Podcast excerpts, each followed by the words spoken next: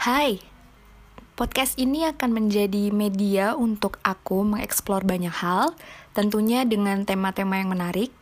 Sebenarnya aku bukan ahli di dalam bidang yang akan aku bicarakan, tetapi di sini aku pun juga masih belajar untuk memahami dunia di sekitar kita.